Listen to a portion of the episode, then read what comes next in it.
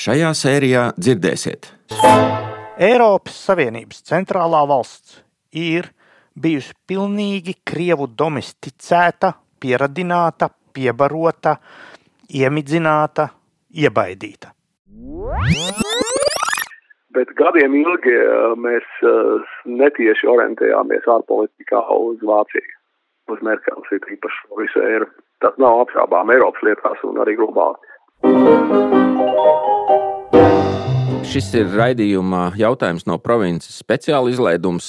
Gadās tā, ka mums uzraksta klausītāji un uzdod kādus jautājumus un ierosina tēmas. Un šoreiz ir tāds īpašs gadījums. Um, uz redakciju piezvanīja autors Mārcis Bendiks un ierosināja, ka vajag parunāt. Uz jautājumu parunāt par ko viņš teica, vajagot parunāt par Vāciju. Nu, es par Vāciju, protams, jebkurā brīdī. Nu, tad nu, mēs rakstām raidījumu speciālu izlaidumu, kurš iespējams būs interesants cilvēkiem, kuri varbūt grib paskatīties kā vēsturiskāk, tā kā kādās perspektīvās, saprast. Mēs to tēmu loku saucam par mazajiem par zvēriņiem. Neņemiet ļaunā tie, kas gaida kādas nedēļas aktualitātes un priecīgi klausīšanos tiem, kuri priecājas par to, ka viņiem atgādina kaut ko tādu, ko varbūt viņi nu, varbūt ir piemirsuši vai kā citādi. Tad, nu, lūk, Mārci, esam ēterā, saki, kas tā ir par tēmu un kāpēc Vācija un, un kāpēc tas ir svarīgi tavuprāt šobrīd?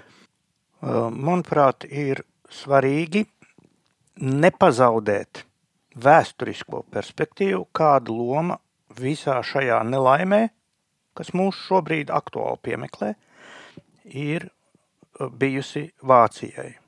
Vācijai šeit ir bijusi ļoti nozīmīga, svarīga, iespējams, centrāla loma.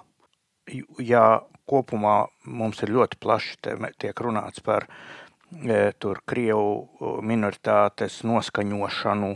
Tā skaitā Latvijā, un ko mēs ļoti labi redzam, e, kā tas, kā tas te ir attīstījies. Ja mēs esam lasījuši par ja, konkrētu amatpersonu un pat veselu politiskā spektra malās atrodošu partiju finansēšanu, Krievu finansējumu šīm partijām, dažādu veidu destabilitātes rosināšanai. Tad, kas attiecas uz Vāciju, te pakāpeniski, pakāpeniski, pakāpeniski, pakāpeniski Krievi bija nopirkuši sev veselu valsti pēc būtības. Un vēl tas nav beidzies. Mēs rakstam eh, šobrīd šo te eh, gabaliņu īsi pēc tam, kad eh, prezidents Zelenskis uzrunāja Vācu Bundestāgu, Atšķirībā no tām uzrunām, ko es iepriekšējās esmu redzējis, šī bija stipri rezignētāka. Protams, tur bija stāvošas ovācijas, ak, vai vai, mēs, bet tās stāvošās ovācijas ir apmēram to pašu vērts, ko rācnam iekrāsošana pa naktīm un, un lentīšu nesēšana pa dienām. No tā nemazinās Ukraiņu tautas ciešanas, no tā nemazinās līķu skaits Ukrainā. Un uh, Zaļenska uzruna vispār atgādināja vāciešiem, ka viņi ir apmainījuši savas ekonomiskās vērtības pret ukraiņu dzīvībām. Ne šādiem vārdiem, protams, ne šādiem vārdiem. Un Vācu Bundestāgā joprojām šobrīd viss notiek kā parasti, un joprojām starpbrīžos Olafs Šolts tur parādās pie komentētājiem Phoenix kanāla un stāsta, ka nu jāturpina diplomātija. Nu, prātiņi nāca mājās. Diplomātija jāturpina. Varbūt paskaidrojot to svarīgumu.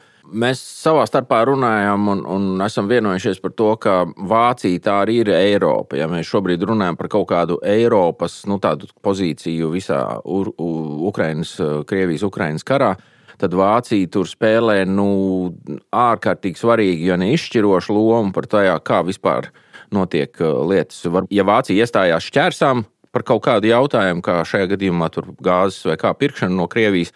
Tur viss tur neko nevar padarīt. Tā nu, maz, tā ir nolēmums. Nu, piemēram, te tāds ļoti sāsināts jautājums, kuru mēs izanalizējām savā arī šādā te papildraidījumā, mazajiem par zvēriņiem, par SWIFT mēs runājām toreiz un paskaidrojām, ka valsti no SWIFT atslēgt nevar un pat atslēgšana no SWIFT pats par sevi nekas nav. Un tad bija Reka Orbāns, neļauj, Reka Orbāns neļauj. Bet beigās izrādījās, ka pēdējā valsts, kas piekrita, bija Vācija. Viņi piekrita šim te netik ļoti izšķirīgi svarīgajam aktam pēc. Orbānu. Tas ir ar vi... gariem zobiem. Jā, jā nu tā, nu, arī saprotot to, ko mēs sakām, ka nekas, nu, tas netraucēs viņam pirkt gāzi. Līdz ar to Vācijas nostāja ir nozīmīga, un es mēģināšu to iedot kādas atslēgas tiem mūsu klausītājiem, kuri vēlas joprojām skatīties televīziju, lai tiem nebūtu jāpārtiek tikai no televīzijas sensācijām, bet spētu paskatīties procesu vienu slāni dziļāk. Tātad pagājušo nedēļu parādījās televīzijas sensācija, kā altkanclers Šrēders, veckanclers Šrēders devies uz Maskavu un baigā televīzijas sensācija. Un, un parādās mums te baigie nosodījumi. Nu, ko tu viņš tur, ko tu viņš tur, jā. Nu, un tad parādās vēl tāda ziņa, ka viņš tā kā it kā kaut kāds vidutājs, bet, nu, es domāju, starp ko viņš vidutē tur, starp sevi un starp uh, uh, Rosņefķu un to gāzes uh, impēriju, kurā abās vienai viņš ir prezidents, vienā valdes loceklis, vai padomus loceklis, nav svarīgi, viņš ir visaugstākajos amatos Krievijas energo Bet es atvainojos, viens precizējums. Tavuprāt, tie amati nav goda ģenerāļa amati. Tie ir reāli amati, kuros tas cilvēks kaut ko Ot, dara. Šo es nezinu. Es tur ne, es, tā kā es tur pasēdēšu kādu nedēļu vai divas, tad es tev izstāstīšu. Ja? Protams, tā parastā tēze ir, ka tā ir korupcija tīrā veidā. Un, un visticamāk, tā ir korupcija. Nu, kā premjerministrs, kurš pats ir veicinājis eh, visu to gāzes projekta virzību uz priekšu veiksmīgi, ka pēc tam ieņemam tajā projektā, kuru viņš ir veicinājis, pie kam nevis Vācu pusē, bet, bet Krievijas pusē. Bet te ir taisnība, tas ir tas slānis, pie kā es tagad gribētu drusku pieķerties. Pirmkārt, ko viņš tur dara Maskavā, mēs starp citu īsti nezinām. Un uh, pēc visām sensācijām parādījās, manuprāt, tikai tāda viegli atrodama viena nu, cienījama avota ziņa. Tas bija uh, izdevums Politico. Pro-eiropeisks, bet uh, nu, principā diezgan kvalitīvs izdevums. Un tas 14. martā nopublicēja vairāk nekā divas rindiņas, tur kādas sešas rindkopas rakstīņu, ka Šrēders ir Maskavā, ka viņš ir ticies ar Putinu, ka viņš ir ticies ar Putinu padomniekiem, ka viņš pēc tam ir Turcijā ticies ar vienu no Ukraiņu delegācijas sarunvedējiem. Tiešām. Ir baumas, ka viņš ar caurlidojošo no Izraels izsvilpto un uz Piemaskavu aizlidojošo Abramoviču arī esot Turcijā ticies. Tas ir kaut ko viņš tur dara. Ko viņš dara, mēs tagad nevaram zināt. Viņš ir cilvēks ar ļoti lieliem sakariem. Kādi brīnumi tur apkārt grozās, mēs nezinām. Un viena no hipotēzēm varētu būt, ka tā ir ne tikai privāta korupcija, bet ka viņš šajos te Krievu enerģētikas koncernos pārstāv naudas aizdevēju intereses uzraudzīt. Jo šādi milzu projekti, kas vairs nav pat miljonos mērām, drīzāk tur dažos mazos miljardos, ja, viņi nevar iztikt bez stabila un iespējams kaut kādu konsorciju finansējumu. Un tur visticamāk ir klāt ļoti nopietni vārdi. Eh, banku pasaules, nu, man nav nojautas, kuri tur ir. Deutsche Bank, teiksim, nu, tur veselu dienu atteicās paziņot, ka viņi pārtrauc, tad viņi paziņoja, ka viņi pārtrauc darbību Krievijā, un pēc tam izrādījās, ka viņi pārtrauc darbību Krievijā tā, ka viņi tur likvidē marketinga departamentu. Viss pārējais paliek kā bija. Tās naudas intereses saistībā ar Krieviju ir milzīgas. Mums te bija te kaut kādas uh, putošanās par to, kas te Latvijā notiek, par kaut kādiem sīkumiem, par kaut kādiem piena kombinātiem vai, vai, vai šņabrūpnīcām. Tas viss ir tāds kapeiks, ka vispār nav pieminēšanas vērts. Ja? Tā tad svarīgs moments ar Šrēderu parādīšanos pēkšņi ziņās man šķiet pilnīgi cits. Un tas ir tas, kā ir sāks, sākta procedūra viņa partijas pirmorganizācijā, sociāldemokrātu, par viņu izslēgšanu no partijas. Hanovers pilsēta uzsāka procedūru, lai atņemtu viņam goda pilsoņa titulu, un e, viņu ir pametis, esot, esot pametis viss viņa štābs martā kaut kad, apmēram ap šo pašu laiku. Un tieši ap šo pašu laiku vienā no svarīgākajām vācu televīzijas politiskajām diskusijām, kas notiek tādā laikā, kad vairums ģimenes skatās kaut kādus krimiņus, un, un to droši vien virtuvē nolien un skatās tikai tie, kurus interesē politika. Šajā diskusijā sāk uzdot pēkšņi jautājumu, nu, bet jūs, sociāldemokrāti, jums taču ir šrēders, vai tā nav korupcija? Astoņus gadus tā nebija korupcija attiecībā uz Šrēderu. Pilnīgi noteikti. Neviens nenāca prātā, ka tā varētu būt korupcija. Un pēkšņi tas parādījās. No kurienes? Kas par iemeslu? Un man ir sava versija, kura balstās vienkārši normālā, distancētā vēsturiskā redzējumā uz to, kā Vācija kļuva par faktiski nu, par Krievijas visciešāko sabiedroto, kāds vien pasaulē ir. Ciešāks par Ķīnu, ciešāks par, nu, varbūt ne par Baltkrieviju. Jā. Tomēr, nu, neatkarīga valsts viņa ir atšķirībā no Baltkrievijas. Bet tas arī viss. Te skan jautājums no provinces. Telefona radio raidījums, kuru Latvijā klausās katrs ministrs un katra deputāte. Nepaliec par vientulīti arī tu. Noklausies pats, pārsūti raidījumu radiem un pastāsti kaimiņam, ko dzirdēji jaunajā sērijā. Izglābi draugu no garlaicības un nezināšanas, uzaicini viņu raidījuma klausītāju pulkā. Tādiem nopietniem politiskiem, vēsturiskiem notikumiem mēdz ielikt tādu kaut kādu formālu datumu. Es nezinu, kā krustkari sākās ar slaveno Urbānu otro, otrā runu, un tad saka, nu, tad krustneši nāca un sāka tur, nu, kur aizgāja līdz Jeruzalemē, kur izkāva žīdus turpat kaut kur pie Reinas, nu, tur jau tālāk kā iegriezās, bet, nu, tas, tas aicinājums bija Urbāna otrā tā slavenā runa. Tā tad Vācijā radikāls pagrieziens attiecībā pret Krieviju notika Vilija Branta valdīšanas laikā. Vilnius Brants bija ļoti populārs sociāldemokrāta politiķis. Viņam bija saka, cilvēks, kas viņam visu laiku ir strādājis pie viņa politikas, un, un viņa visusticamākais un faktiski galvenais viņa politikas autors bija Egons Bārs. Uh, Egons Bārs vēl 63. gadā teica tādu diezgan svarīgu runu, kas bija veltīta tam, ka ir jāmaina, ka politika jāmaina uz izlīgumu politiku. Un uh, Vilnius Brants kļūstot par kancleru pēc diezgan ilgstošas konservatīvo valdīšanas Vācijā, paziņoja, ka sāks jaunā ostpolitika, jaunā austrumu politika. Tev nāksies tagad pateikt gadu, kurā tas notika. Vilnius Brants kļuva par kancleru 69. gadā. Šajā laikā notika radikāls pavērsiens Vācijas politikā. Ja līdz tam bija spēkā tāda Halsteinas doktrīna, līdz tam bija spēkā konservatīviem. Halsteinas doktrīna paredzēja, ka Rietumvācija pārstāv visu vācu valsti, un tādēļ tā nedrīkst uzturēt nekādas sakaras ar tām valstīm, kurām ir diplomātiskās attiecības ar Vācijas Demokrātisko republiku, ar Dederoniju, izņemot Padomju Savienību, jo nu, tur nekā nevar darīt. Padomju Savienība bija nu, viena no okupācijas valstīm. Ja. Līdz tam arī Vācijai nebija eh, vēstnieku nu, Varšavas paktu valstīs. Eh, viņi atsauca savu vēstnieku no Dienvidslāvijas, kad Dienvidslāvija nodibināja attiecības ar Dederoniju. Un eh, tā bija diezgan cieta tāda politika, vērsta uz nesadarbošanos. Un Vilnius Brants to radikāli izmainīja.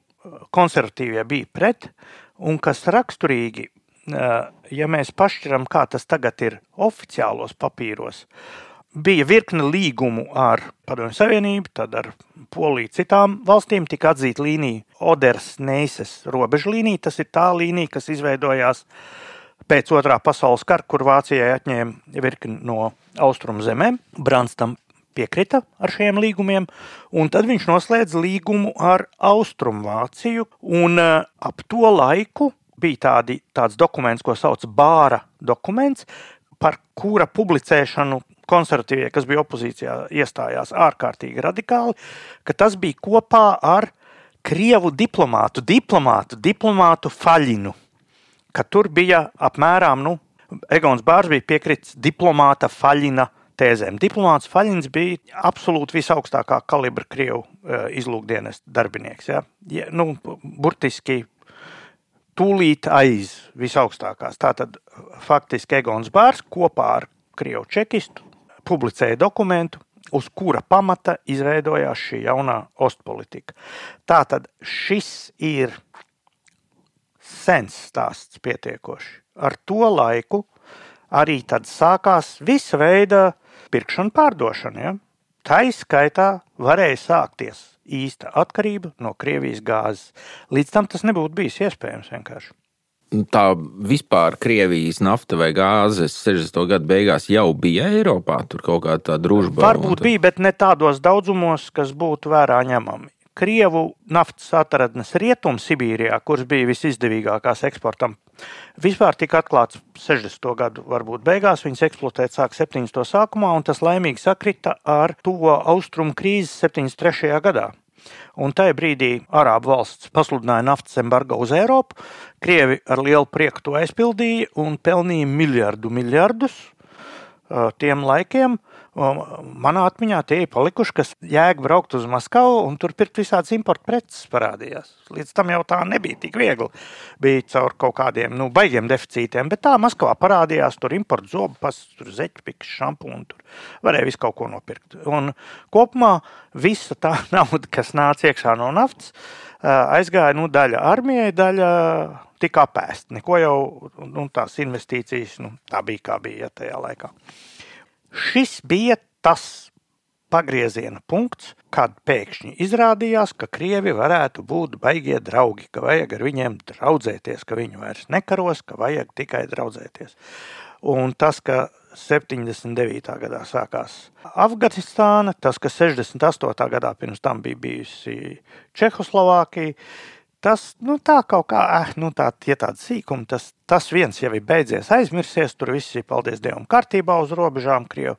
Līdz ar to izveidojās situācija, kura tālāk ir, tas nav tā, ka vienā dienā, ot, oh, es biju atturībnieks, bet tagad kā sākt dzert tā uzreiz zilīts, ja? Nē, tas sākās pa glāzītei, uz veselībām, pa priekšu vārdienā, tad arī visās tur 7. Ziemassvētkos, tur un Parīzes komunas dienu.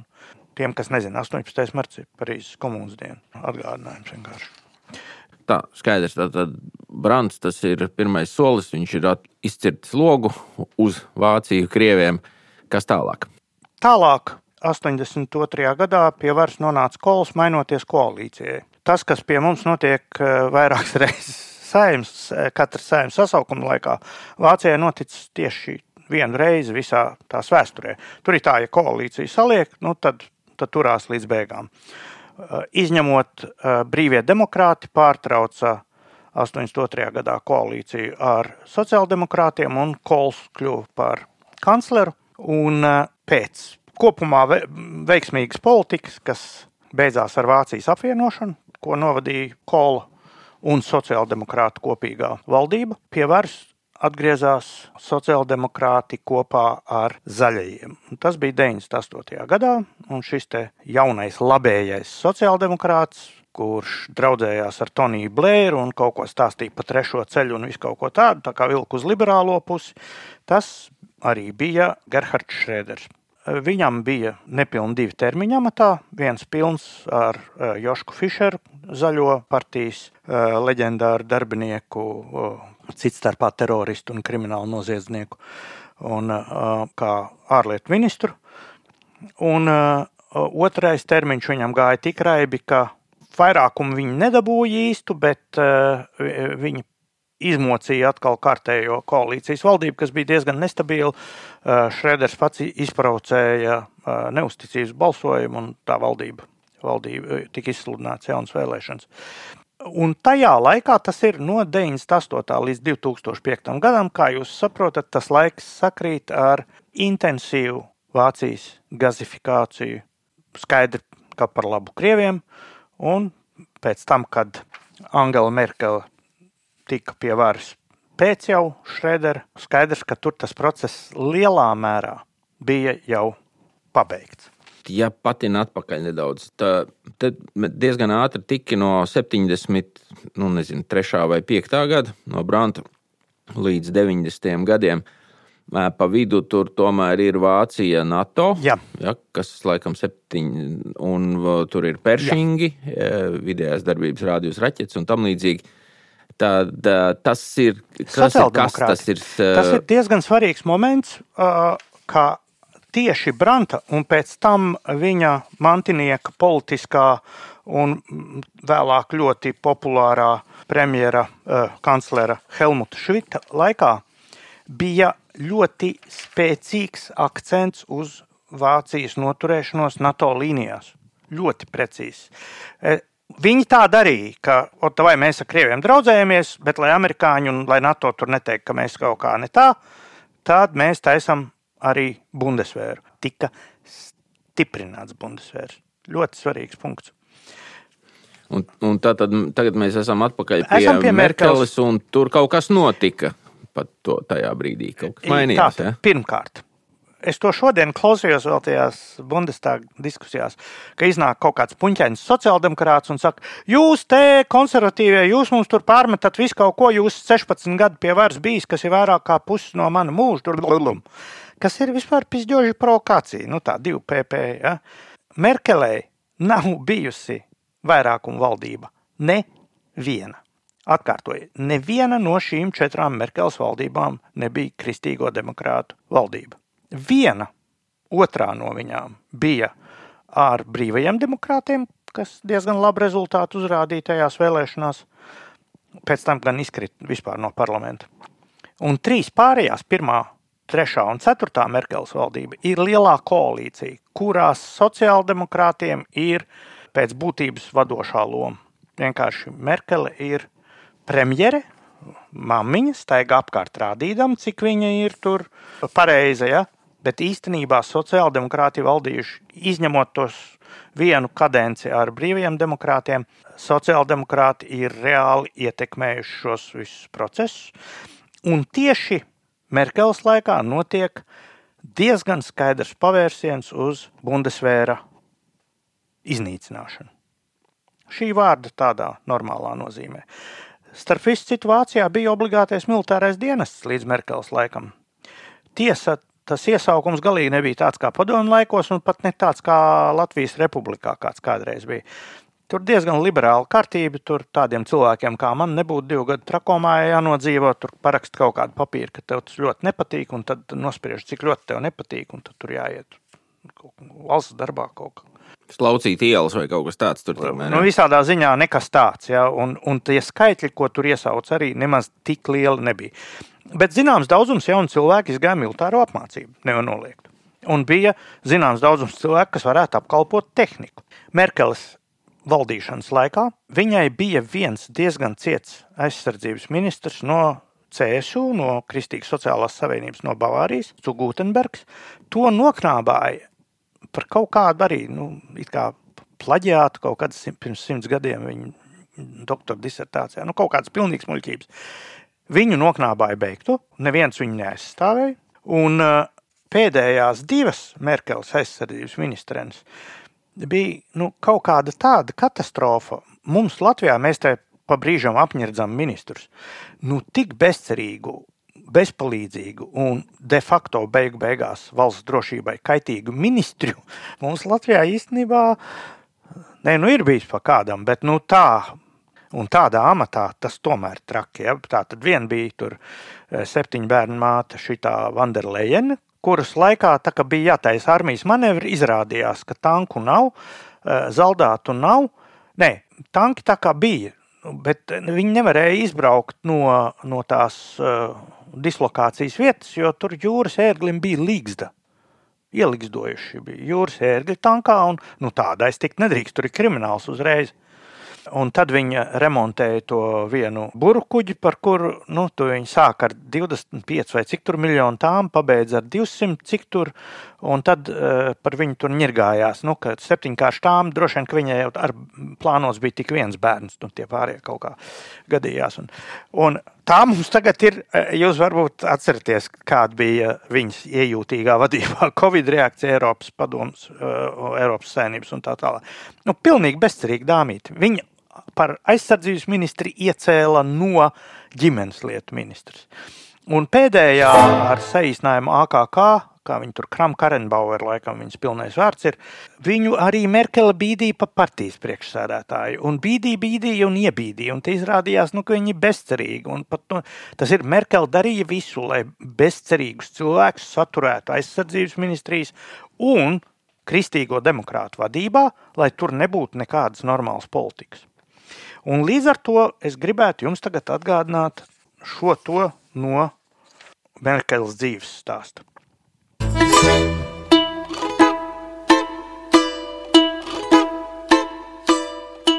Viņas biogrāfija ir pietiekoši stāstīta, bet ir dažas detaļas, kuras, manuprāt, mēs postpadomju un it īpaši padomju laikā dzīvojuši cilvēki saprotam bez jebkādiem komentāriem. Tātad viņa trīs mēnešu vecumā pārvācās uz Austrumvāciju. Viņas tēvs bija garīga persona, dabūja tur amatu. No kurienes? No, no, no Rietumvācijas. No Hamburgas. No Hamburgas, dzimusi Hamburgā. Kurā gadā, starp citu, viņai gadi? Viņa drusku vecāka par mani, 54. Un uh, tur viņa taisīja normālu dzīves ceļu, dederoņa dzīves ceļu. Viņi iestājās Freie Deutsche Jugend, nu, tādi paši komjaunieši, tikai trakāki. Mūsu komjaunieši bija tādi mierīgāki, puskomunistēni.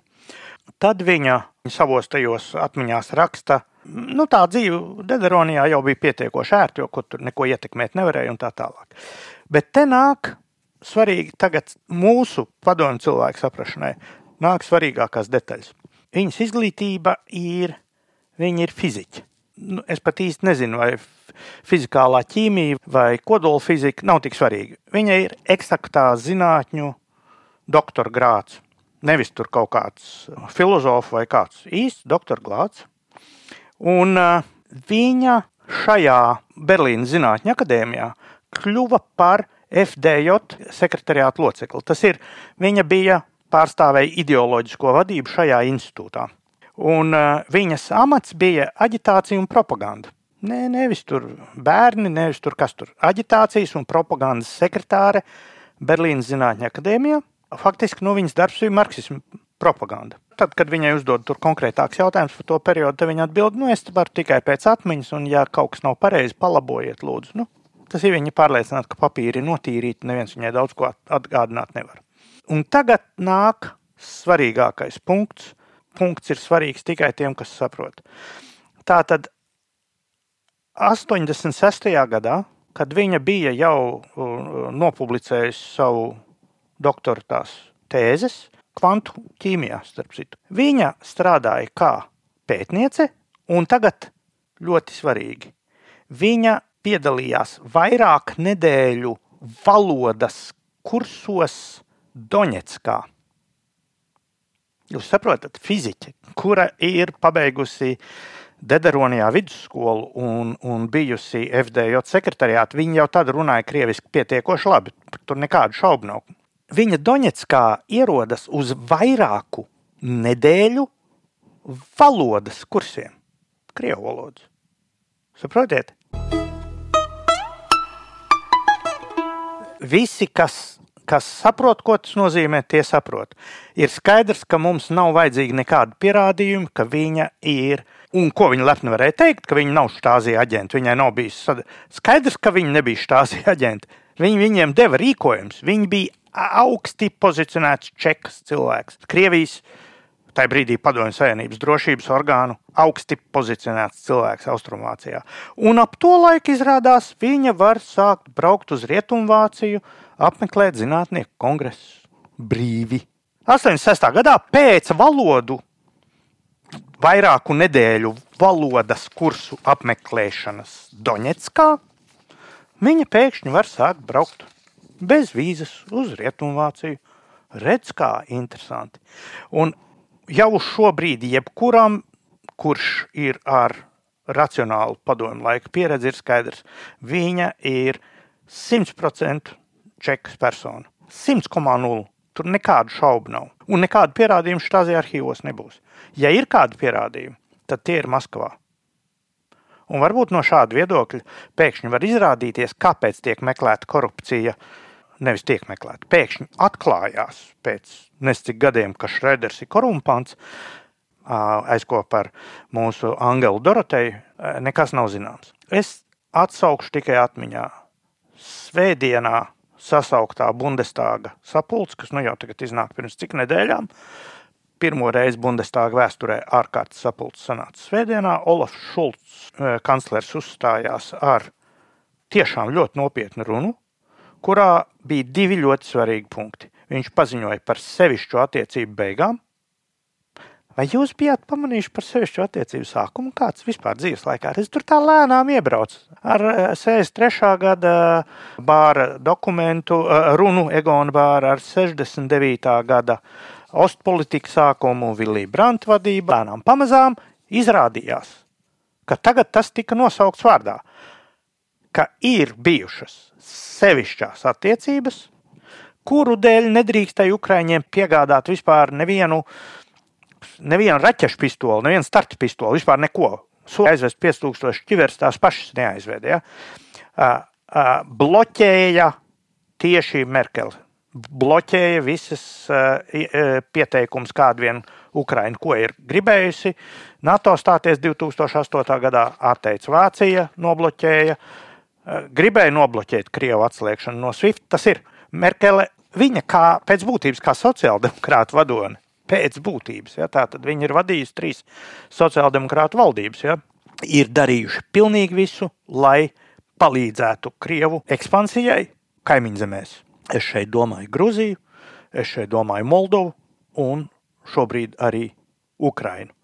Un otrs punkts, kas bija tajā Šolts runā, ka Bundesvērs ir jāatjauno kā kaujas spējīga organizācija. Tas ir Šalts atzīst, ka Bundesvērs vispār nav kaujas spējīga organizācija. Kas viņa pašlaik arī nav. Ukraiņu zemesardze viņas sasīs desmit dienās. Tāda tā kā viņa tagad ir. Tur Eiropas Savienības centrālā valsts ir bijusi pilnīgi krievu domesticēta, pieradināta, piebarota, iemidzināta, iebaidīta. Starp visu citu, man tagad arī šķiet, es citādi skatos uz to, kā viņa nogāza, kā Merkele nogāza Kolu no varas partijā. Tad, kad eh, Kols zaudēja tās vēlēšanas, nu, kristīgie palika opozīcijā, un pēkšņi Merkele nodrukāja vēstuli atvērtā presē, kaut kādā nopietnā avīzē, ot vispār, ka tur kasē ir visādas eh, nekārtības un tā un šitā. Runa bija par ziedojumiem, par nereģistrētiem ziedojumiem, faktiski par partijas melnokās. Šī bija ļoti slepena informācija. Es nesaku, ka tā bija nepatiesa informācija. Visticamāk, tajā laikā tur bija vai dieniņa, kādas tik naudas negrozījās. Tajā laikā skaidru naudu čemodāniņiem, kurš tik nenēsāja. Nu, kurienes Merkelē pēkšņi bija tik precīza informācija? Man, man šķiet, ka tur ir viss skaidrs. Ja tev patīk jautājums no provinces un brīvu cilvēku brīvas sarunas, tad sniedz palīdzīgu roku raidījumu veidotājiem. Nenoskaut 5 vai 10 eiro, lai arī turpmāk Mārcis un Zintris katru trešdienu var jandalēt un figurēt par to, kas svarīgs mūsu provincē. Pogu, ko spiest, lai pārsūtītu mums naudu, atradīs katras sērijas aprakstā, bet tiem, kuriem rocība neļauj piestiķēt, nepārdzīvojat, raidījums arī turpmāk būs dzirdams ikvienam. Mums ir mīļi visi mūsu klausītāji, bet īpaši tie, kuri nav skopi. Man tā kā gribētu saprast, Rietumvācija tā tomēr nav kaut kāda tur Albānija. Kā tavuprāt, tā vide pieļāva, vai tas nešķiet uh, kaut kā apbrīnojami? Nu, nav jau visi vācieši, štāzija aģenti, visi vācu politiķi, un, un, un tu nav visi pat sociāldemokrāti, un tomēr kaut ko šitādu pieļaut. Uh, kā, kā to var izskaidrot? Pabeidzot šito, ko es esmu apskatījis rindā, es esmu laikam faktu sadaļu beidzas. Ja? Tagad ir man, mana spriedelēšana, kam nav ar faktiem tāds sakars. Piedāvājums nesu tur vācu eh, vēstures, sociāla politiskās speciālists necik. Man ir, mana hipotēze ir, ka te sanāca kopā, ko ļoti pozitīvi izmantoja sev par labu Krieviju. Tas, kā Vācijas denacifikācija, kas visstingrāk izpaudās amerikāņu zonā, un, protams, Dederonijā, Krievzonā. Beidzās ar to, ka tika izveidota koncepcija par nācijas vainu. Ka vāciešiem jājūtas vainīgiem uz mūžīgi mūžiem, 3, 7 vai cik tur paudzēs, un ka viņi, viņiem jārāpo un jānostājas visās pozās, kādās vien var, lai tikai izpatiktu krieviem. Tiešas kara sekas tās ir šajā nozīmē. Un tad nāca klāt ekonomiskais brīnums, kurš deva iespēju uzelpot. Pēkšņi atkal bija nu, alus un desas bija, un kleitas bija, un, un atkal perzilu šitais te pulveris bija, un, un dzīve nokārtojās. Un tad izrādās, ka tādā ziņā, ka tas sasaistījās, ka tas ir izdevīgi būt šādā Jā. ar šo, ar šo vainu. Viņiem ir bijis vienkārši- izdevīgi. Jo viņi, viņi nebruņojās. It īpaši Merkele visas tās viņas valdības laikā, tur, kad tur bija visādas sociālās programmas, visi tie bezdarba, visas tās sistēmas un tā tālāk. Tās prasa diezgan lielu naudu, un tam par godu viņi vienkārši grieza nost armijas budžetu. Uz armijas budžeta rēķina jau var diezgan lukni. Jau tā, kā saka, var naudu izrakstīt. Vācija varēja aizņemties uz ļoti izdevīgiem noteikumiem, un puse militāra budžeta no ļoti liela budžeta, kuram vajadzētu būt, vienkārši varēja izdalīt eh, visādiem mazproduktīviem mērķiem, mīļā miera labad. Un tas viņiem tiešām bija izdevīgi. Un tāpēc viņi līdz šim brīdim vēl, nu kā, nu Šalts vēl pirms cik mēnešiem, pirms diviem vēl viņš teica, nē, Nord Stream 2 tas ir biznesa projekts. Nu, kur te es tur? Es tak, tur neko nevaru. Tas ir biznesa projekts. Biznesa projekts. Nekā, kāda politika, kāda Krievijas gāzēja, kāds sakars ar politiku. Šie cilvēki visā nopietnībā tā muldēja. Un es nebrīnītos, ka viens daudzums no viņiem tā arī domā. Vai kas šobrīd ir mainījies? Nu, viņu elitē ir noraustījušies, beidzot sapratuši, ka nu, tas uzstādījums nav bijis pareizs. Ko viņi ar to iesāks, kā viņi tiks no tā ārā, es negribu taisīt prognozes, jo viņu politiskā situācija kopumā īstenībā viņu stabilitāte šobrīd ir nestabilitātē. Nu, līdzīgi kā mums ir kariņu valdība pats stabilākā kopš 91. gada. Ja? Jo tur nekas nevar notikt. Ja? Uh, tur ir līdzīgi. Tur tā tad ir uh, trīs partiju koalīcija, saucamais Ampel, Luxofor koalīcija, sarkani, zaļi un dzeltenie, kurus gandrīz visos budžeta jautājumos atbalsta lielākā opozīcijas frakcija - Kristīgie demokrāti.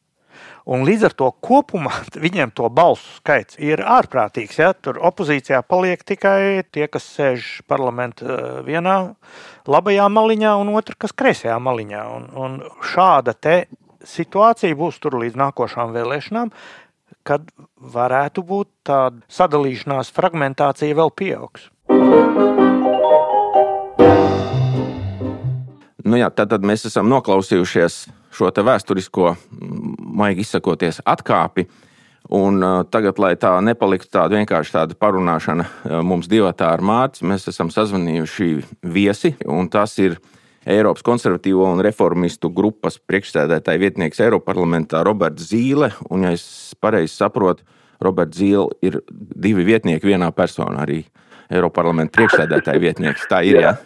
Jā, sveiciens, jā, tā ir. Tā ir pašlaik. Nu, tad, uh, Mārci, vārds tev. Jā. Es pirms ķeros pie runāšanas, eh, ne atvainošanās, bet paskaidrojumu režīmā mūsu klausītājiem neaiz necieņas pret eh, amatiem pēc vis tā tāda jaunā titula, laikam Zilskungs būtu jāuzrunā ekscelence. Nē, nē, nē. nē. Kas varbūt ir mazāk zināms, Roberts ir uh, orientierists. Un bijušo orientieristu nav, kā zināms, tā kā mēs esam no vienas ģimenes, un tā nav kaut kāda izdomāta familiaritāte. Mēs vienkārši esam, kā saka, kopā pa mežiem skrējuši. Tā, Robert, izmantojot šo iespēju, mēs katru dienu redzam televīzijā to, ko dara uh, valstu vadītāji, valdības. It sevišķi pēdējā laikā Makrons ar Šolcu iznesās kā ļoti labi telefoniskie daļrunātāji un tā un paliek ēnā un neredzams, kas notiek tajā līmenī, kur tu esi kopš 4. gada, ja nemaldos. Jā, jā, es kopš 4. Jā, Eiropas parlamentā. 18 gadu bez pārtraukuma Briselē. Ja? E, nu, teiksim tā, es jau neesmu nekur no Latvijas pazudis. Katru nedēļu praktiski es esmu šeit, nedēļas nogals un pirmdienas otrdienas rīts vēlākais es esmu prom. Tā apmēram tas ir. Bet, nu, es pieņemu, Briselē tomēr iznāk būt vairāk nekā, es nezinu, cēsīs. Jā, bet arī tur. Tātad no lielās Eiro Savienības saimniecības viedokļa, cik jūs tur esat deputāti? Tūkstots kaut kāds? Nē, nē, 705. Viena 700 deputātu, kuri reprezentē Eiropas politisko spektru, un tad, kad ir jālem būtiskie jautājumi, nu, tādi kā nu, nezinu, Grexits. Mūsu klausītāji atcerēsies droši vien tādu notikumu kā eh, Grieķijas finansu krīze, kuru galu galā izrullēja Mer Merkele ar Šoibli. Tā bija. Tā bija. Jā. Kāds no Briseles izskatījās? Nē, nu tā Brisele ļoti tāda dažāda. Es negribu pilnu kursu lasīt, bet Eiropas parlaments ir tikai viena no tām trīs redzamākām institūcijām, kas ir tie lēmēji. Un paldies Dievam, ka Eiropas parlamentam nav vislielākā teikšana, kā tas, teiksim, ir Latvijā. Saima ir faktiski nu, vismaz nomināli stiprāk par pēc koncepcijas atversums par, par valdību. Tad Eiropas parlaments tomēr ir nu, institūcija no 27 dalību valstīm, un tur katram dažāda pārstāvniecība. Protams, mēs, piemēram, esam kādu desmit reizes mazāk pārstāvēt nekā vācieši, ja ne vairāk, 11 laikam.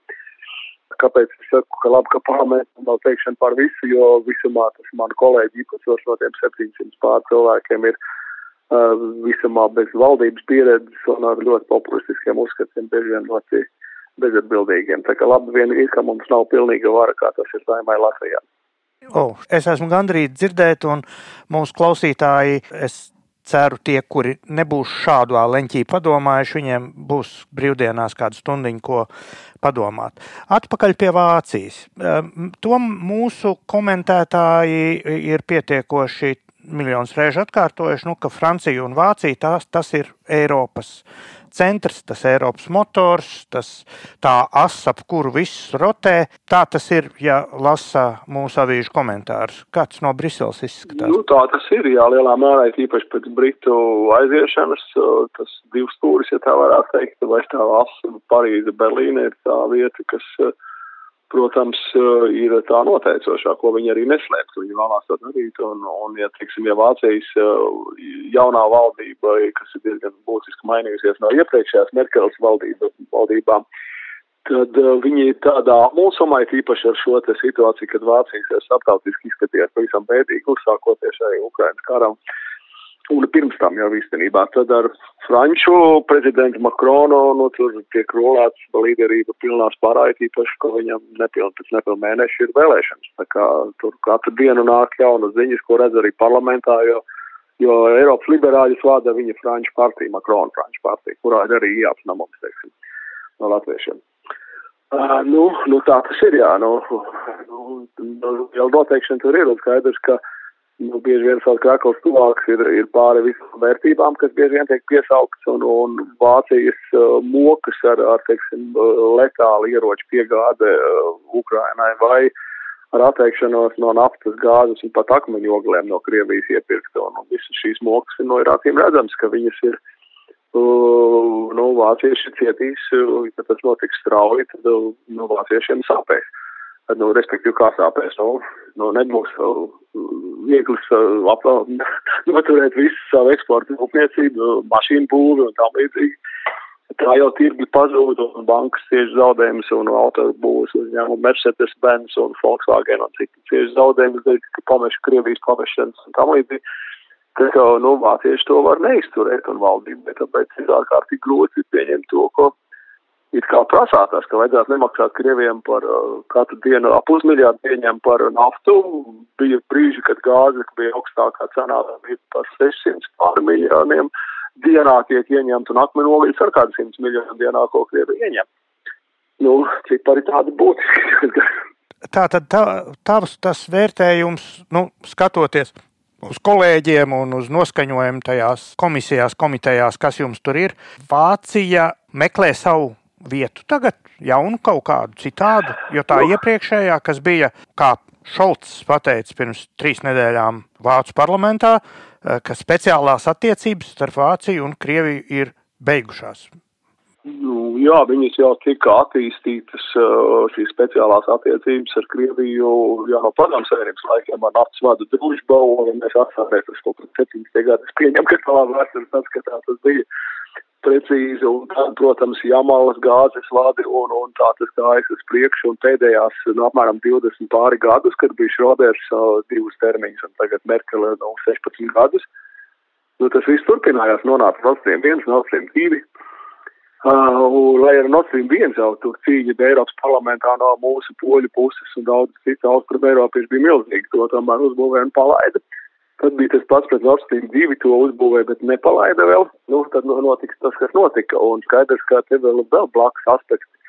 Vācija savā energobilancē nu, ļoti ievaino. Viņi slēdz savas atomelektrostacijas, kā mēs zinām, kopš Fukushimas laikiem, un šogad taisās aizslēgt pēdējās trīs, kas, protams, ir nu, neprāts šī situācijā.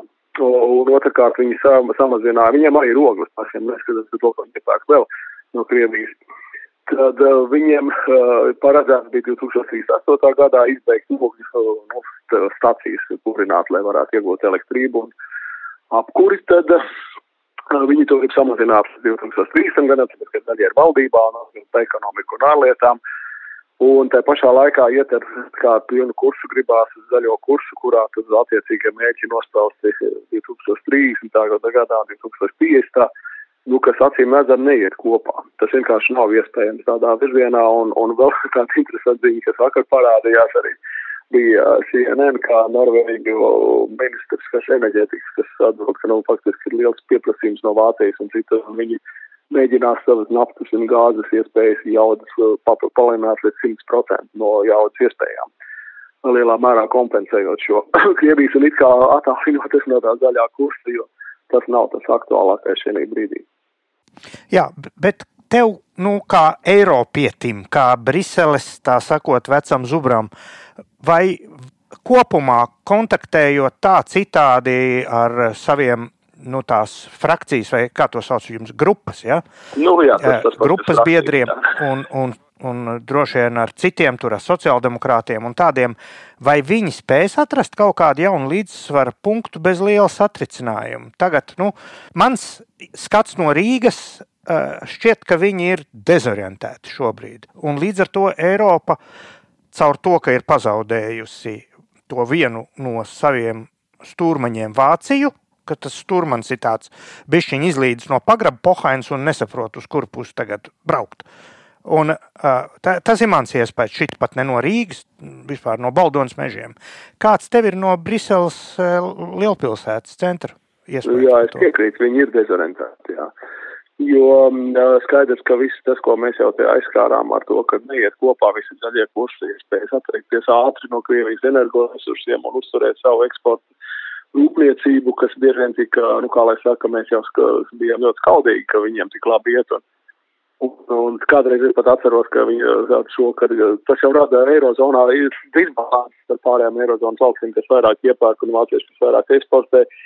Un tas viss bija tādā, nu, nu tas viss tagad ir, ir zem milzīgas jautājums. Ir skaidrs, gan ķīmiskā rūpniecība, gan mašīnu būvniecība citā veidā bez gāzes Vācijā nevar ātri pārunāties. Un viss Krievijas gāzes gāzes, to sakāt, aizvietot ar kaut kādu LNG, nu, sašķināto gāzi no Kuveits, Amerikas vai kaut kurienes citurienes, nu, tas nav izdarāms šādi. Un viņiem pat nav savi termināli, īstenībā sašķinātās gāzes, un, un savienojumi ir nepietiekami. Un tā tālāk. Un, Viņi kaut kur no Holandas var ievest, kaut kā jā, tā laikam, ja? negrib pumpēt, viņiem pie Groningens tur veidojās mazas zemestrīces, jo viņas, nu, kā lai saka, tā gāzes raktos iet uz beigām. Uh, Holandē un, un ir Vācijas spiediens jau labu laiku, lai, lai Holandieši vairāk pumpē, bet viņi īsti negrib, jo viņiem iedzīvotāji saka, mums te mājas brūk iekšā, nu, tajās izpumpētajās raktuvēs. Nu, nav vienkārši viss tā lieta.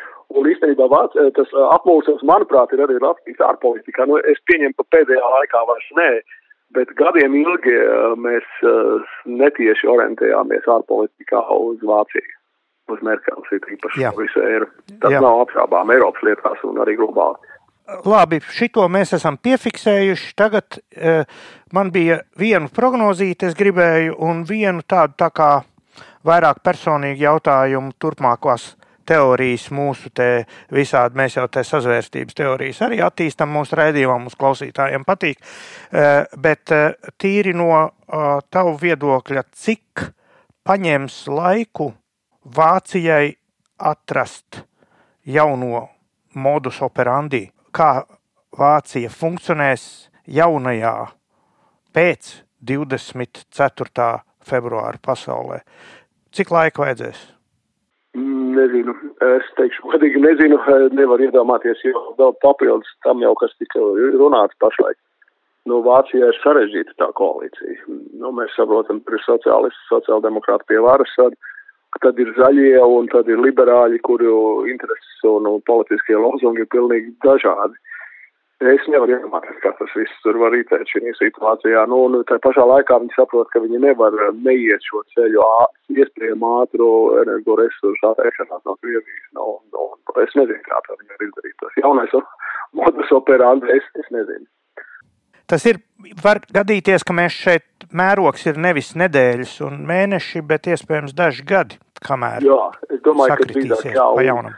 Un tas man pašam liekas arī tāds nepatīkams. Tā situācija, ja kaut kāda veida pamieris vai kaut kāds uh, situācijas regulējums varētu Ukrainā tur risināties, man ļoti bažīja tas, ka Vācija varētu būt viena no pirmajām, kas teikt, nu, nu lūk, tad, tad jau tagad tā kā labi, mēs varētu atsākt pakāpeniski tās vecās temnieciskās saites atkal ar Krieviju, un tas ir ārkārtīgi bīstami. Pat tad, ja it kā ir miers vai pamieris, cilvēki nemirst, kas, protams, ir ļoti svarīgi un labi, bet šīs aspekts, manuprāt, ir, ir ārkārtīgi bīstams, un es domāju, ka tas būtu tas jaunais kurs, ja izdotos šo situāciju kaut kā, nu, kaut kā iesaldēt, stabilizēt, tad uh, es domāju, ka Vācija būtu doma, ka varētu pakāpeniski atsākt tās saimnieciskās saites un, un Un ne tikai viņiem, jo ik pa brīdim jau redz, kāda sektora tiek skārta. Finanšu sektors ļoti būtisks šie tie ģenerāli, Raipaizens un, un Unītu. Uni, unikredīt, laikam, kā tas Itāļu banka, un tam līdzīgi tie visi tieši milzīgi zaudējumi, nerunājot par citiem jau. Ok, mēs atliksim citai reizei zaļās tēmas, tur tādus visādus subjektus kā Timermaņus un, un visu kaut kādus tādus, kas tev droši vien ar šausmīgi mīļi cilvēki liekas. Viņam tā mīļi gadījās ar elektroautomašīnu piedalījumu, bet tas bija tāds uh, labs, viņš brauca pirms divām nedēļām bija uz Strasbūru no Briseles, un viņam ir Audi, tas elektrouzlādes, protams, bija diezgan augsts un izlādējās tā mašīna, un tad viņš nokavēja visu savu sanāksmes pirmdienu vakarā, jo bija jālādē Audi Luksemburgā, jo tur nebija arī tik daudz vietas, kur uzlādēt. Tas tāds dzīvīgs piemērs, cik strauji mēs tuvojamies uh, tam cerējam. Okay.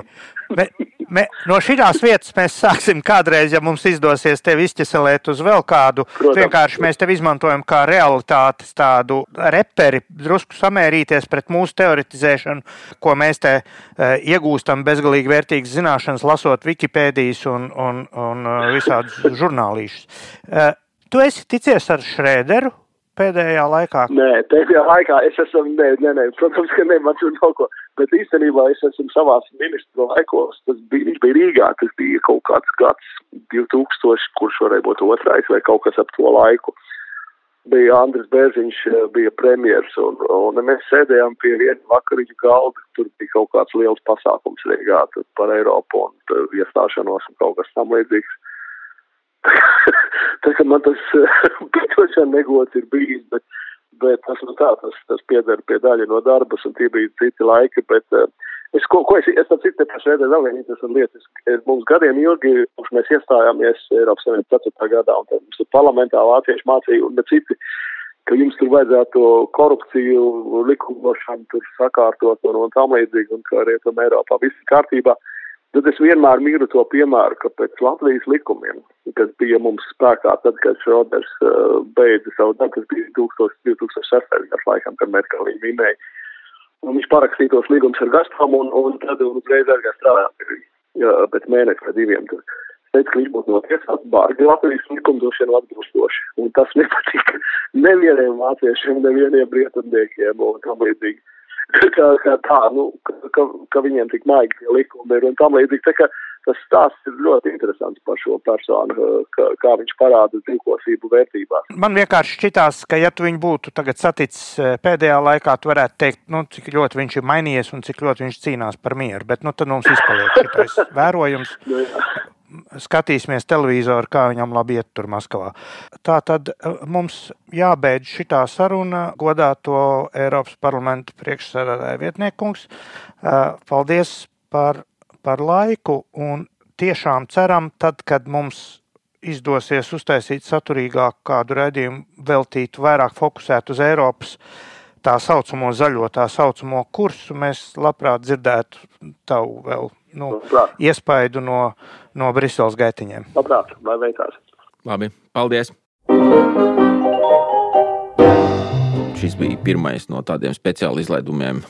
Cevišķi Mārcis būs noskaņots uh, turpināt gatavot, jo mēs jau tā esam savā starpā iezīmējuši vēl dažas tēmas, kas, kas uh, nav tālu no tikko apskatītās, kuras varbūt ir pelnījušas šādu te apskatu. Ja nu kādam klausītājam šķiet, ka tas bija tā vērts, droši komentējiet, pasakiet, ko jūs par to domājat. Kāda būs klausīšanās cipara, to mēs paši redzēsim. Bet šim te pirmajam mēģinājumam liekam punktu. Tiekamies nākamajā nedēļā, trešdienas rītā, mūsu iknedēļas parastajā raidījumā. Visu gaišu! Ā, tā.